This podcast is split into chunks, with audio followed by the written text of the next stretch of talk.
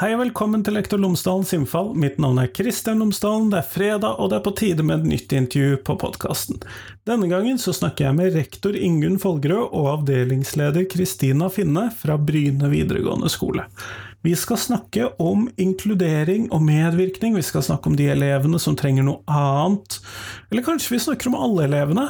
Det finner du ut, det tror jeg varierer litt, men det er definitivt sånn at uh, ulike læreplaner, ulike formålsdokumenter, legger ulik vekt på eh, disse ordene, disse begrepene, disse fenomenene, sånn at dette tenker jeg vi er nødt til å se mer på.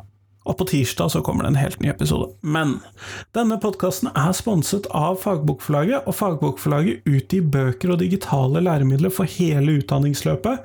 Fra barnehage via norsk for minoritetsspråklige til høyere utdanning, profesjonsstudier. Og visste du at Fagbokforlaget akkurat har kommet med en bok for høyere utdanning om betydningen av å møtes? Eller at de nettopp kom med en bok for lærere i grunnskolen om planlegging, undervisning og vurdering i samfunnsfag?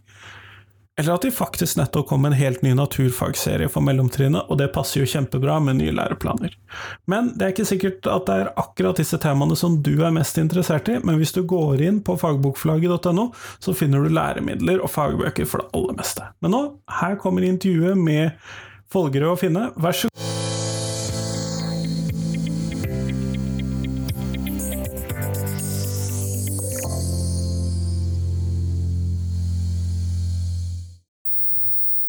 Ingunn og Kristina, tusen takk for at dere har tatt dere tid til meg i dag.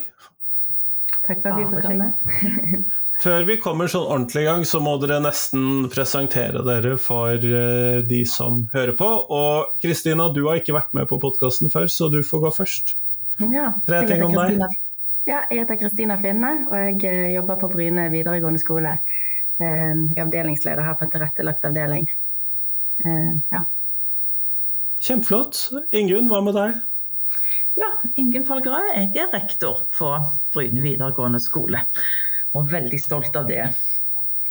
Ja. Det er jo kjempebra. Men eh, fortell litt om Bryne videregående skole. Ja. Jeg har sett at dere liker å fortelle at det er den største skolen i Norge, og det er litt uventet for min del. Verdens største.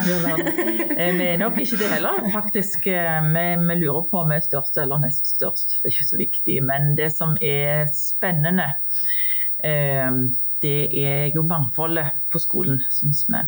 Og vi har, det stemmer det, at vi har over 2000 elever. Og de er fordelt på vanlig studiespes. Yrkesfag. Vi har fengselsundervisning på, i Åna fengsel. Det er voksenopplæring, innføringsklasser, uh, det er tilrettelagte avdelinger. Ja, uh, i det hele tatt et stort mangfold som er spennende både fordi at vi får mange ulike Eh, eh, ansattgrupper inn.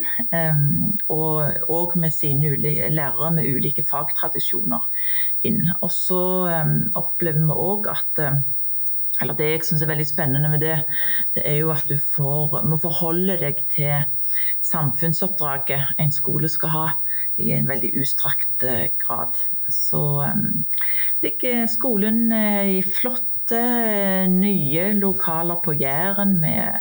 Og vi er veldig heldige. Det er jo litt spennende med yrkesfagtradisjonene her, for de står sterkt. Og det er lange ventelister på eh, f.eks. TIFF og sånne fag. Så det er òg interessant. Ja, Det har jeg forstått at man har en del steder. At uh, særlig TIFF kanskje er en av de mer populære yrkesfaglige linjene. Ja, og i år er det er mye gledelig. I år er det også lange ventelister på restaurant- og matfag, så det er vi jo glade for å se. Eh, det tror jeg er en sånn trend eh, flere steder. Så ja. Nei, så eh, ja, vi kan si én ting at det er en stor skole, men det, rikdommen i det er jo mangfoldet. Og da er det eh, mye vi kan glede oss over, og det er òg mye vi kan ta tak i til enhver tid. Mange ulike behov skal dekkes. Ja.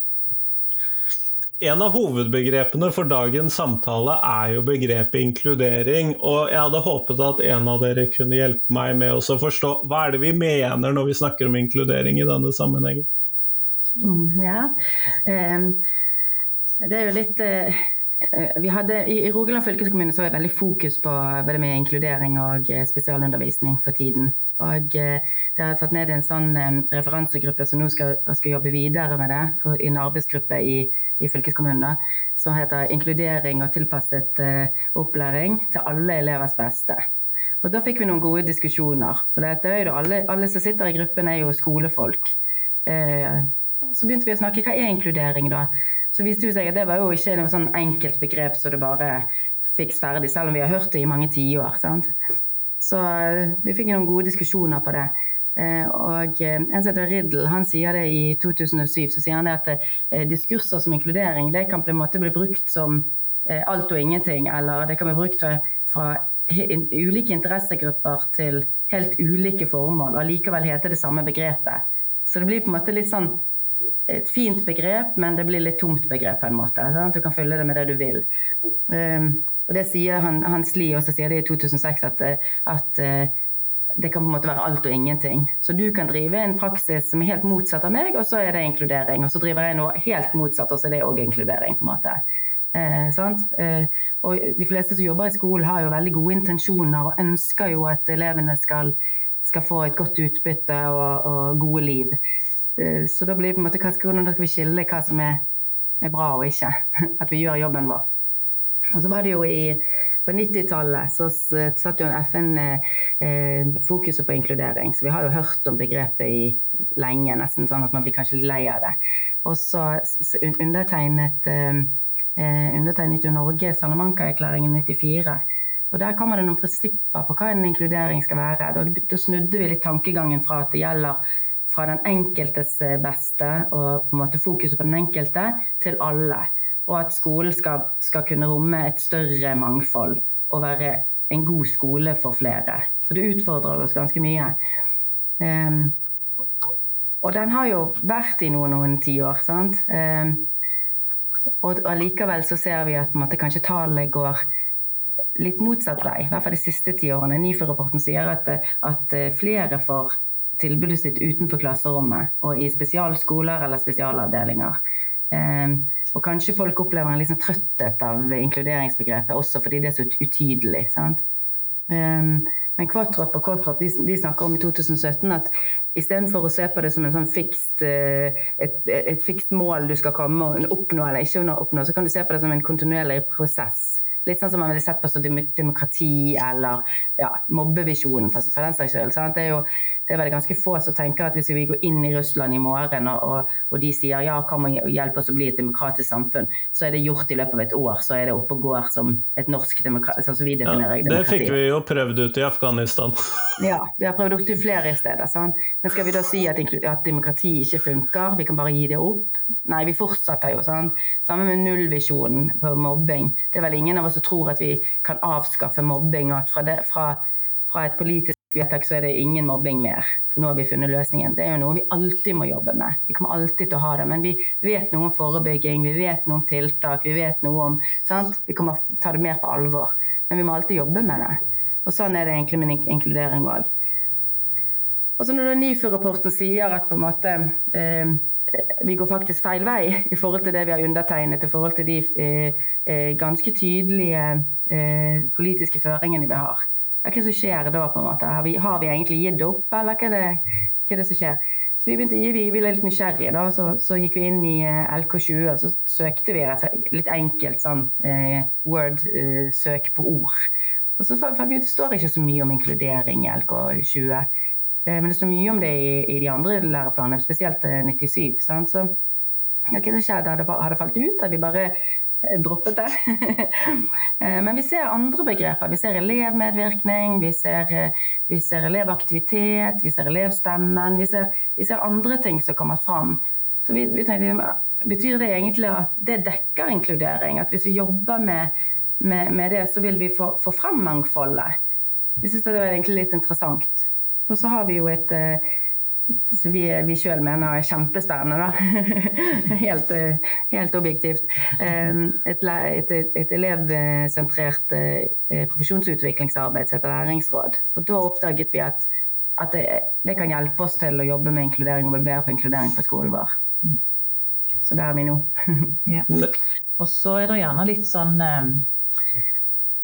så Det vi gjerne merker mange ganger, da, det er at når vi har eksempelvis en profesjonsutvikling på skolen, så er det både hos oss og andre steder jeg jobba, så kommer det gjerne opp ja, ja, men passer det for våre elever?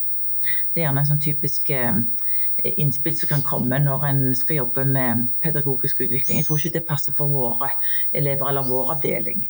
Eh, og det har jo med en gyllen mulighet til her å prøve å tenke litt annerledes. Da. Det er jo egentlig derfor, Vi trenger ikke snakke så mye om læringsrådgjerne i dag, men det det gjør, det er jo at vi tar utgangspunkt i hva elevene spiller inn.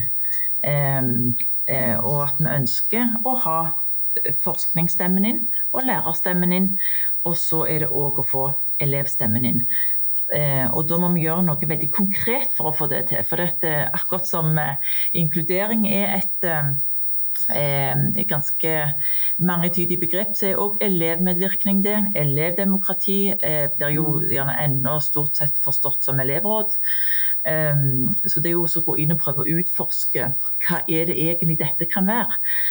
Og da så vi det var Kristina primært som tok til orde for at eh, nei, selvfølgelig skal de tilrettelagte avdelingene òg være med på dette.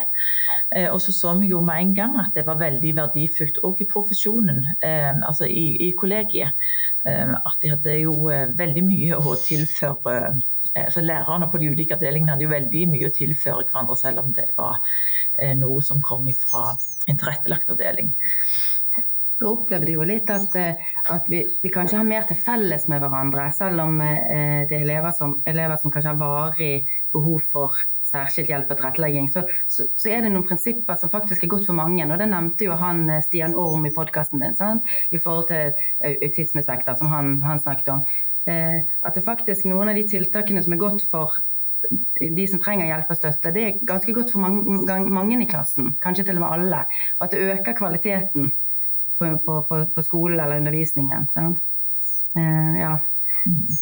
Det sier jo ikke Og det er jo litt interessant med mange av disse tilretteleggingene som vi driver med på, i, i, forhold til veldig mye, så funker det for veldig mange, veldig mange av disse mm. tilretteleggingene.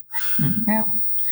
Det er jo interessant når en ser på Det er jo særlig eh, Eh, vi, grunnen til at vi sikkert har gjort noen dypdykk inn i dette nå på skolen, det er jo fordi at meg og Kristina var nok eh, ganske uenige. Eller vi oppdaget iallfall det etter hvert.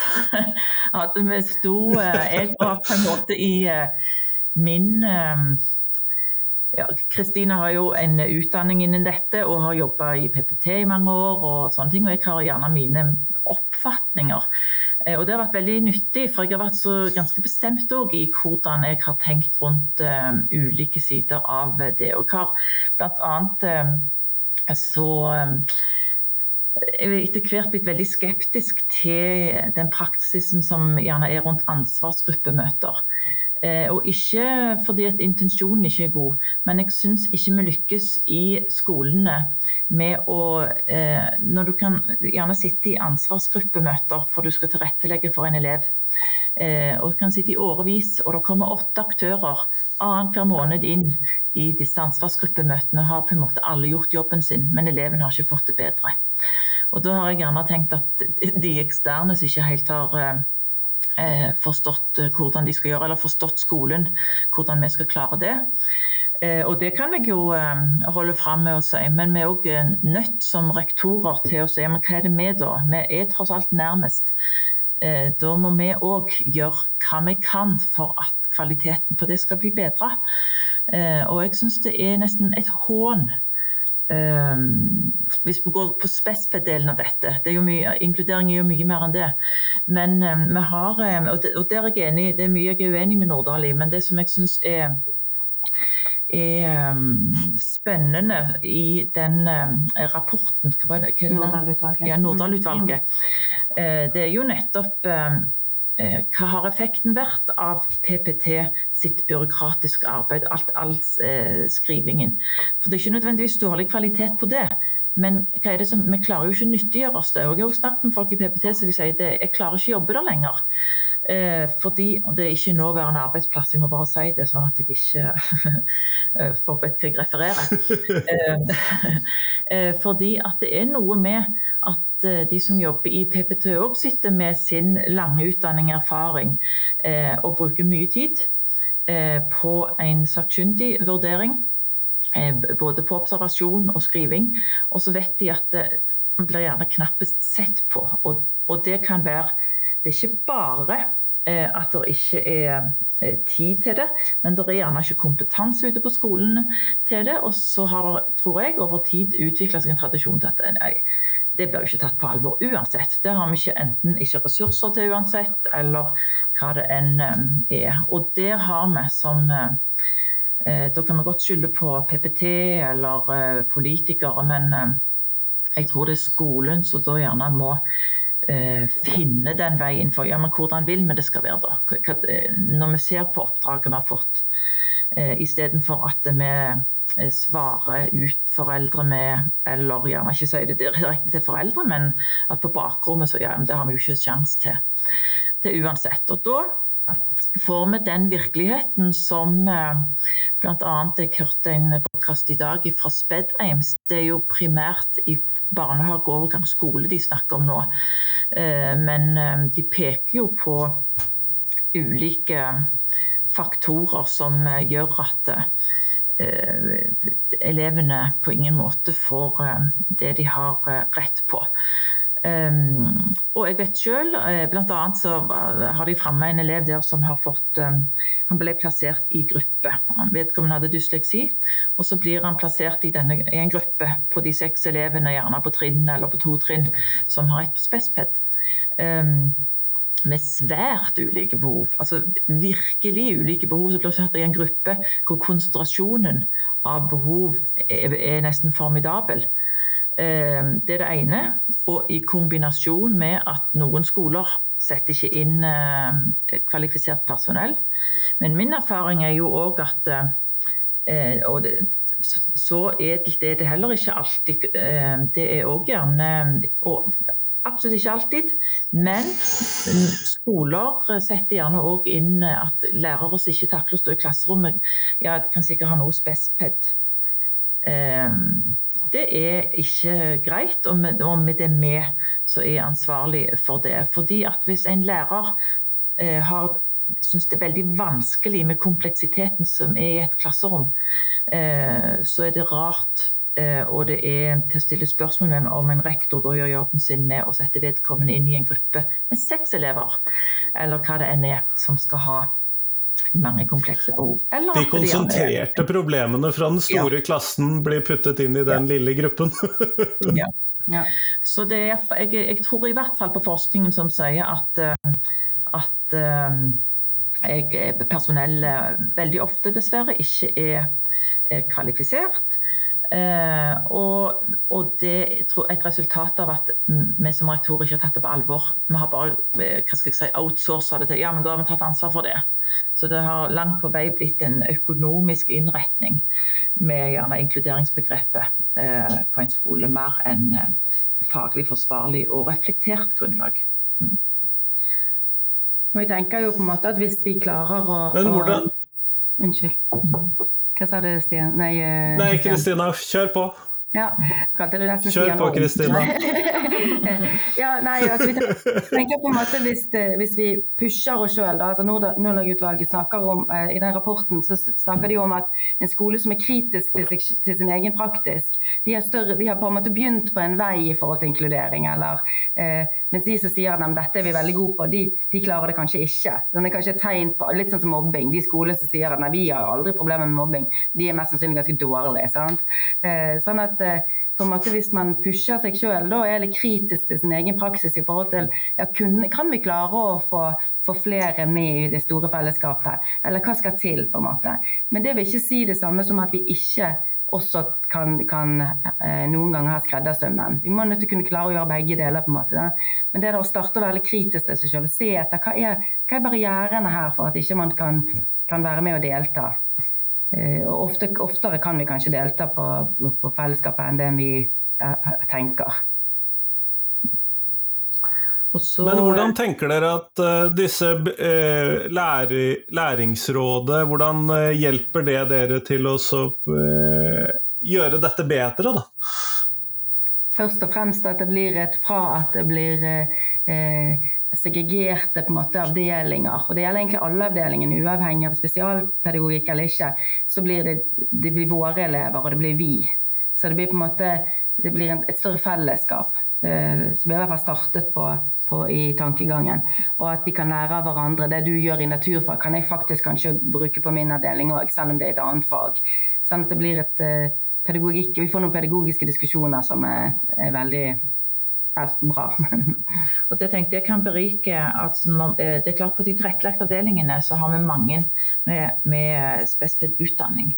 Eh, og det kan berike eh, de ordinære avdelingene. Samtidig så peker jo mye eh, mange undersøkelser og forskning på at det ikke blir stilt at mange elever som har fått særskilt hjelp, eh, syns ikke det blir stilt eh, krav nok til de. dem. Mm. Og der eh, kan nok en del tilrettelagte avdelinger utfordres på eh, Det er vel en rapport som sier 'hva skal vi gjøre når vi har stekt vafler'? Mm. Eh, at det faglige trykket har en, altså det, Eller den faglige opplæringen mm. ikke blir så god som den burde være. Så der er det en læring. Men, men egentlig det som vi så det var i, at vi kunne ha utstrakt grad av elevmedvirkning på de tilrettelagte avdelingene. Sånn at eksemplene vi deler med hverandre på skolen òg eh, går på tvers. Um, ja, og så ja, ja, og det der med elevmedvirkning, altså, det, gjelder generelt, men på tilrettelagte Da, Så, så, hvis du tar elevmedvirkning på alvor der òg, i vurderingsarbeidet, i planleggingen og undervisningen, altså ned på det daglige pedagogiske eh, virke, så, så, får du også tilpasset opplæringen bedre. For da forstår du ja, ok, det er det, legger, det er det eleven legger i, det er det forståelsesnivået eleven ligger på. og Da kan du kanskje treffe bedre enn om du sitter hjemme og planlegger alt, og så tror du at du eh, treffer. Men, eh, men, men, når eleven er med, så får du, du får på en måte skreddersydd det litt, hvis du kan si, bruke det ordet, men du får i hvert fall tilpasset det bedre til den eleven. Eh, pluss at eleven får delta, og det blir en eh, læringskurve. på en måte. Og det er også interessant, Nå nevnte jo Kristina det, det, prosjektet. Det er gjerne noen ulike tradisjoner på gruppering av elever. Og Stortingsmeldingen som eh, kom i, ja, i forbindelse med utvalget, så står det at når det gjelder det å ha egne avdelinger eller egne grupper, så, så, står det at foreldre er fornøyd med det, og elever er fornøyd med det. Og eh, før jeg diskuterte dette inngående med Kristina, så er jeg òg eh, ganske fornøyd med det. For jeg syns at eh, hvis opplæringen, hvis inkluderingen og tilretteleggingen på f.eks. barne- og ungdomsskole er å sitte på et eget rom i store deler eh, av tiden, eh, som gjerne elever med store eh, utfordringer må gjøre, Eh, så ser vi at de, er, de har veldig stort utbytte av å komme på en videregående skole eh, hvor de får komme inn i en gruppe med Første gang opplever de gjerne og de syns de får venner. Det er første gang de får gå på kino med noen. Så det er òg veldig verdifullt. Eh, så jeg er litt skeptisk til å ikke kalle det for et fellesskap. Mm. Eh, jeg er litt, litt skeptisk til at det bare er eh, ordinære klasser som er fellesskapet som er av betydning. Men samtidig så ser vi òg at når de eh, tilrettelagte avdelingene kan eh, gå mer inn på eh, hver enkelt og gjerne hvordan kan hver enkelt strekke seg, så vil vi òg skape bedre overganger og bedre muligheter for de elevene til å gå inn i ordinære klasser. Sånn at vi legger grunnlag for en økt fleksibilitet. Og jeg skjønner jo det fra perspektivet, og jeg, jeg, jobber jo der. Og jeg hører jo når jeg nå tar imot nye elever, så alle ungdommene sier at det de, det de ser mest frem til med å begynne på Bryne videregående skole, det er å få venner og treffe andre, andre ungdommer. Det er, det, det er, på en måte det viktigste. Og så kommer alle de andre tingene etterpå. Men, men samtidig, så når, da, når, når reporter sier at vi går feil vei, at flere og flere blir sånn Å ja, men du har, du har så store, store vansker du, at du må være der. At vi pusher den veien istedenfor. Så må vi, vi må kunne klare å gjøre begge deler samtidig. Eh, og Det sier jo egentlig Nordahl-utvalget noe om. Han sier det at det er noen som eller de, de sier det, at det er noen som har eh, så såpass store vedvarende eh, behov for, eh, for, hjelp og støtte at de kanskje må ha et litt mer varig tiltak. Eh, men vi skal på en måte likevel kunne prøve, kanskje litt hybride løsninger. Trenger, man, trenger det bare være enten-eller og for evig og alltid, kan, eller kan vi, kan vi pushe oss litt? Grann? Jeg utfordret rektor, rektor er litt sånn som Pippi. Og så utfordrer jeg henne litt i forhold til, for, forhold det. Så sier jeg til og med på, på min avdeling, sant? og jeg mener jo at vi er veldig flinke, selvfølgelig. Men, men, til og med på min avdeling kunne vi kanskje klart mer. Sant? Uh, og vi kunne, kunne, kanskje tenkt litt mer noen fag i ordinært, eller ja, mer. Og så Istedenfor da, som veldig mange gjør, gå i forsvar fordi de føler at dette er en ganske stor og krevende debatt eller eh, målsetning, så sier hun ja, ja kanskje vi kunne klart det. Kanskje, kanskje noen, noen, flere kunne klart en, et et lærekandidatløp, f.eks. Og da, da, er vi allerede begynt litt. Hvis vi kan leite etter det. Som du merker, så har jeg ingen meninger om dette. Ingen. Ingen mener, dette, dette, er jeg ikke interessert i. men jeg, jeg tror um, Og det, det, det, er jo på mange områder. Men uh, når vi er mange aktører som har ambisjoner på vegne av skolen. Ambisjoner selvfølgelig på eget fagområdes virke. Det gjelder både forskere, PPT, lærere, rektorer. Um, eh, så um, påligger det oss alle Kanskje veien å gå eh, nå er, er, først og fremst å se hva kan jeg gjøre i dette samarbeidsrommet eh, for å virkelig få til noe sammen med de andre. Mer enn å gå litt inn i offerrollen og enda mer nå. Eh, for det, det har, jeg har syntes det har vært vanskelig mange ganger, særlig i disse ansvarsgruppemøtene, hvor du møter sammen med lærere og gjerne spesped-ansvarlig på skolen. Og så er det mange aktører som har sine både ambisjoner og bestillinger inn i skolen, som, sånn at læreren gjerne går derifra og skal innfri medisinske behov. Veldig ulik tilrettelegging i uh, klassen. Og, det, og, noen ganger har jeg tenkt det, det er nesten helt uh, umulig. Så, og, og, det viser seg nesten det. Og så plutselig er det sykemelding, og så er det ene det andre. Så kommer du til neste møte etter seks uker, eller hvor lang tid det går. Og så er det litt sånn risting på hodet fra gjerne de eksterne aktørene på at eh, nei, de har jo ikke gjort det, da, da nytter det jo ikke. Og så blir det gjerne en ettersnakk at eh, ja, de forstår ikke praksisen vår, eller hvordan vi har det. Og det er for så vidt riktig òg, men eh, men da må vi gjerne istedenfor bare å gi opp, eh, da, og så, så tror jeg alle må istedenfor å komme til det møtet eh, eller det arbeidet som skal gjøres, og så fokusere på ja, men jeg har gjort mitt. Da har jeg gjort jobben min. Mm. Så er det hvem kan hver enkelt strekke ut en, en hånd til. Og det òg er jo en sånn udefinerbar Men det handler om ansvar. At du har egentlig ikke gjort jobben din før ingen av de aktørene, og ikke jeg som rektor heller, jeg har ikke gjort jobben min før jeg kan virkelig se merkbare endringer, eller at eleven får innfridd det de skal ha. Både når det gjelder i, en hel klasseromssituasjon, og, og um, hvis det er uh, gruppert. Og jeg synes Det er litt interessant å se på arbeidet som er gjort um, inn, på lovsiden innenfor kapittel 9a. For der er det veldig regulert hva du skal gjøre. Det er hyppige tilsyn på hva skjer når det ikke blir gjort. Eh, så tenker jeg OK, hva om vi hadde hatt eh, tilsvarende innen eh, spesped-området? På hva vi forplikter oss til og hadde med å stille opp. Og Det hadde vært spennende. Det tror jeg aldri kommer til å skje, for det er altfor kostbart. Og det viser jo òg gapet mellom ambisjoner og det realiserbare. Men når jeg sier det igjen, så skyver jeg på de ut forbi. Jeg må uansett klare å utforske hva kan vi få til, da, mer enn vi ikke kan få til. Ja, ja og i, når du sa det der med del, eh, hvordan den er strukturert forskjellig i kapittel 9a og knyttet til Spesped, så var jeg litt sånn Ha, hva sto egentlig forslaget til ny opplæringslov?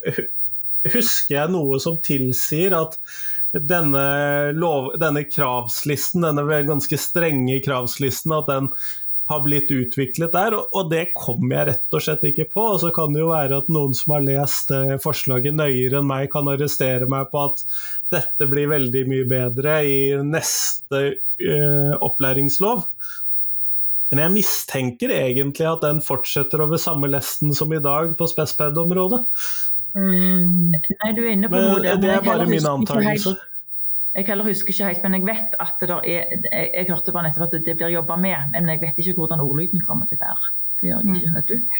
Uh, nei, ikke, på, ikke der. Uh, men det hadde jo vært interessant Men Ingen, hvordan uh, ja, Kristina, hva hadde vært interessant? Liten forsinkelse. Eh, nei, det hadde vært interessant også, eh, for det er veldig få som klager på, på, eh, på Spesped-vedtak.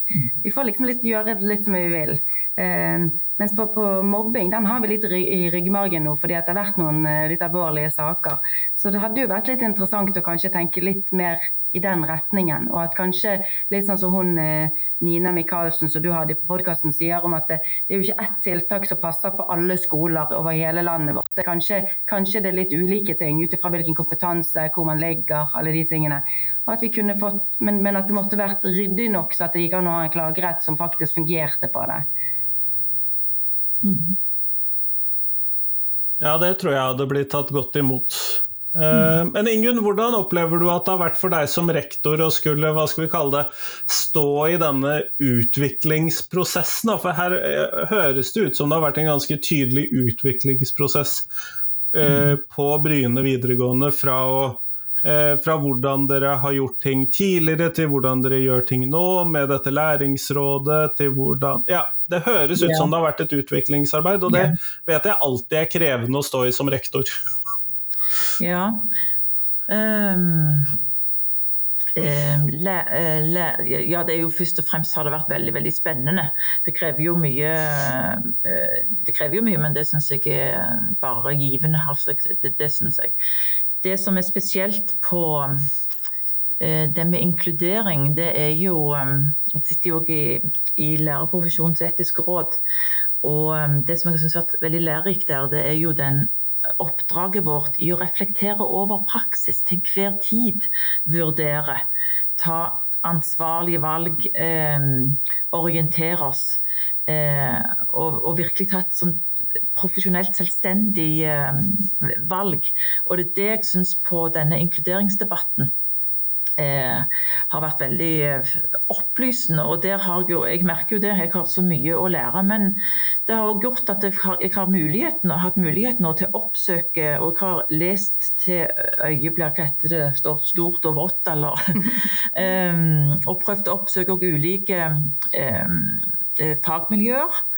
Så det er klart det er mye forskning på barnehage og grunnskole, men det er faktisk veldig, veldig lite som eh, ser på, eh, eh, på videregående på dette feltet. Og det er jo, den, det er jo mye mindre rent spesped på videregående. Men inkluderingsdebatten er, er der jo. Så det som så jeg syns først og fremst så ja, det kan, men det er mye som kan være krevende.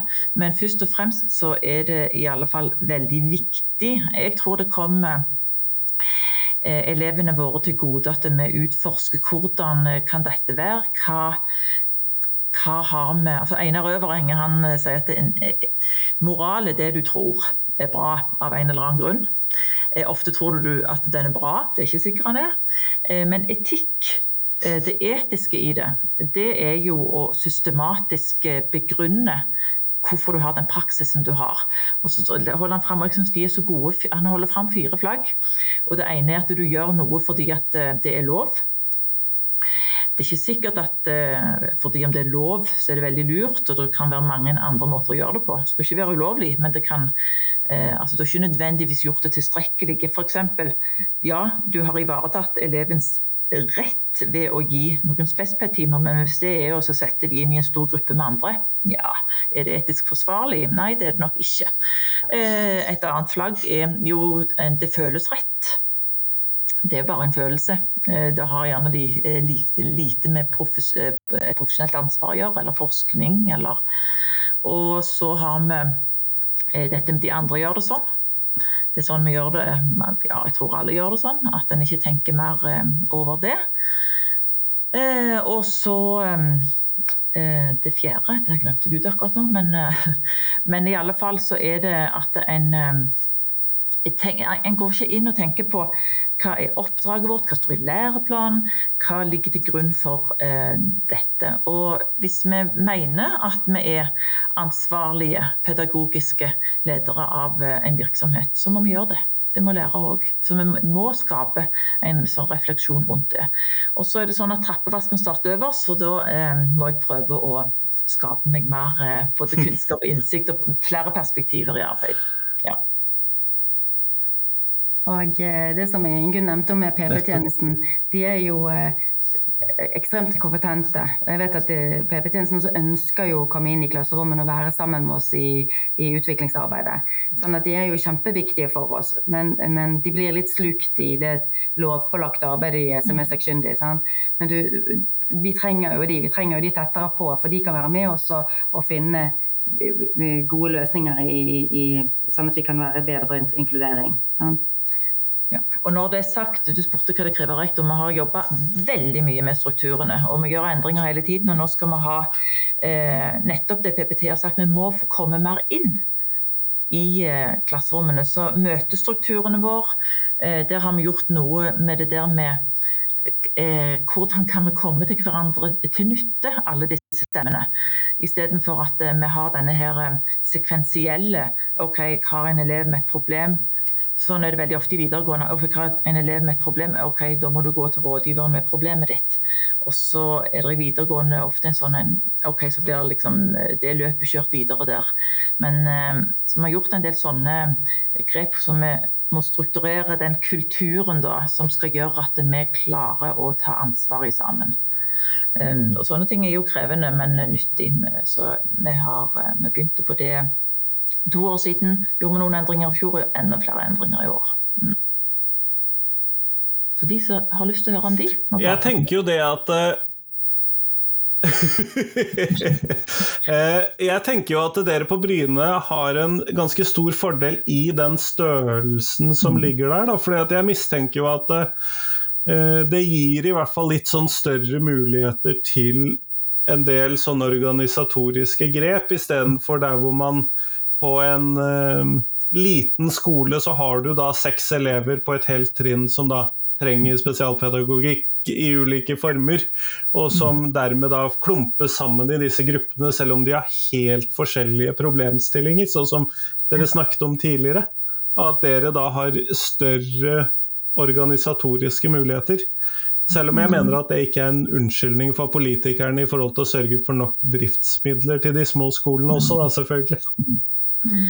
Ja, du er inne på noe. Det, det er litt både og. Det kommer an på hvor elevene For i videregående så er de fleste som har spesped, er gjerne i en gruppe. Det er veldig få med, eh, med en eh, IOP som er i ordinært sammenligna med andre med grunnskole. Eh, sånn at kompetansen tilretteleggingskompetansen, særlig tror jeg på på eh, Studspes i mange videregående skoler har ikke samme tradisjoner som en har hatt i, eh, eh gjerne på en grunnskole. For i grunnskolen har læreren alle elevene som bor i det området. Mens du gjerne har ulike retninger når du kommer videre. Men det som selvfølgelig er en fordel på mange tenker å er det ikke stress å være rektor på en så stor skole. Men det som jeg syns Jeg har også vært på oppvekstsenter hvor, hvor, jeg hadde alt ansvar fra SFO og barnehage. og jeg syns nok det var, det var travelt, fordi der hadde du ansvar for alt. Men det er klart her kan du organisere sånn at du vet at alt blir tatt hånd om. Så for all del, Men vi, vi kan ikke skylde på det. Da må vi heller se Ja, vi må, vi har uansett et det ansvaret.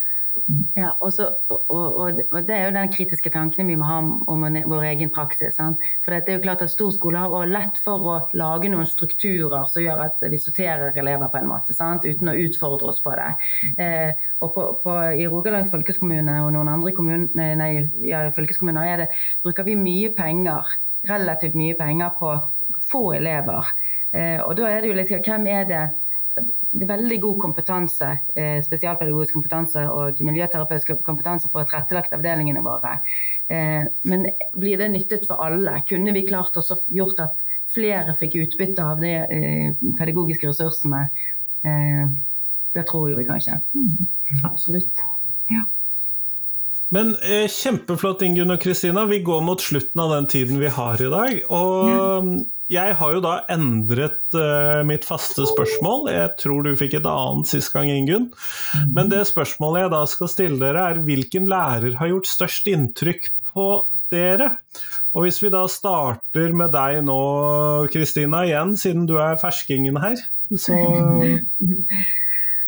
Ja, Det er litt vanskelig å si, for det er jo flere. Men uh, jeg tenker spesielt på kanskje den første læreren hadde. For det at hun, frø, frøken Frøydis Hersvik, hun var hun var en, altså, veldig sånn elegant og uh, tydelig og nesten litt streng.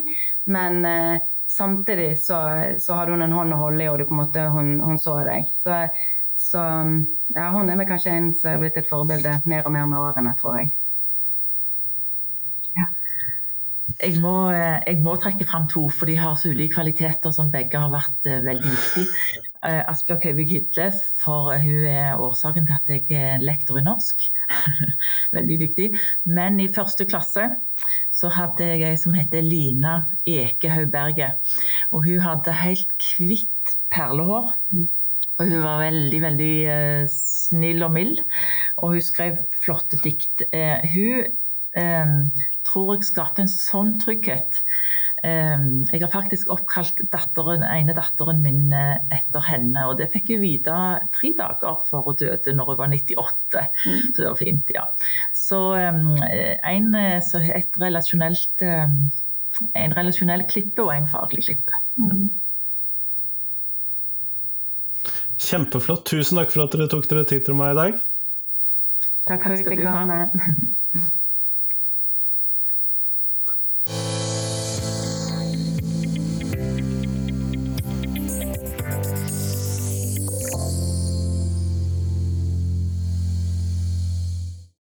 Tusen takk til Kristina, og tusen takk til Ingunn, og selvfølgelig tusen takk til deg som hørte på. Nå er det fram til tirsdag, så kommer det en ny episode på podkasten, og det gleder jeg meg som vanlig veldig mye til. Neste uke så er det en ny episode, og så kommer det en ny reprise på fredagen, akkurat som vanlig. Denne uken her var et unntak. Men nå er vi kommet godt inn i skolestart. Du har vel allerede jobbet noen uker, og jeg håper at du kan dele podkasten min med en kollega som du tror at vil sette pris på det. Det vil i hvert fall jeg sette utrolig stor pris på. Men nå, nå skal du få ha helgen din. Vær så god. Hei, hei.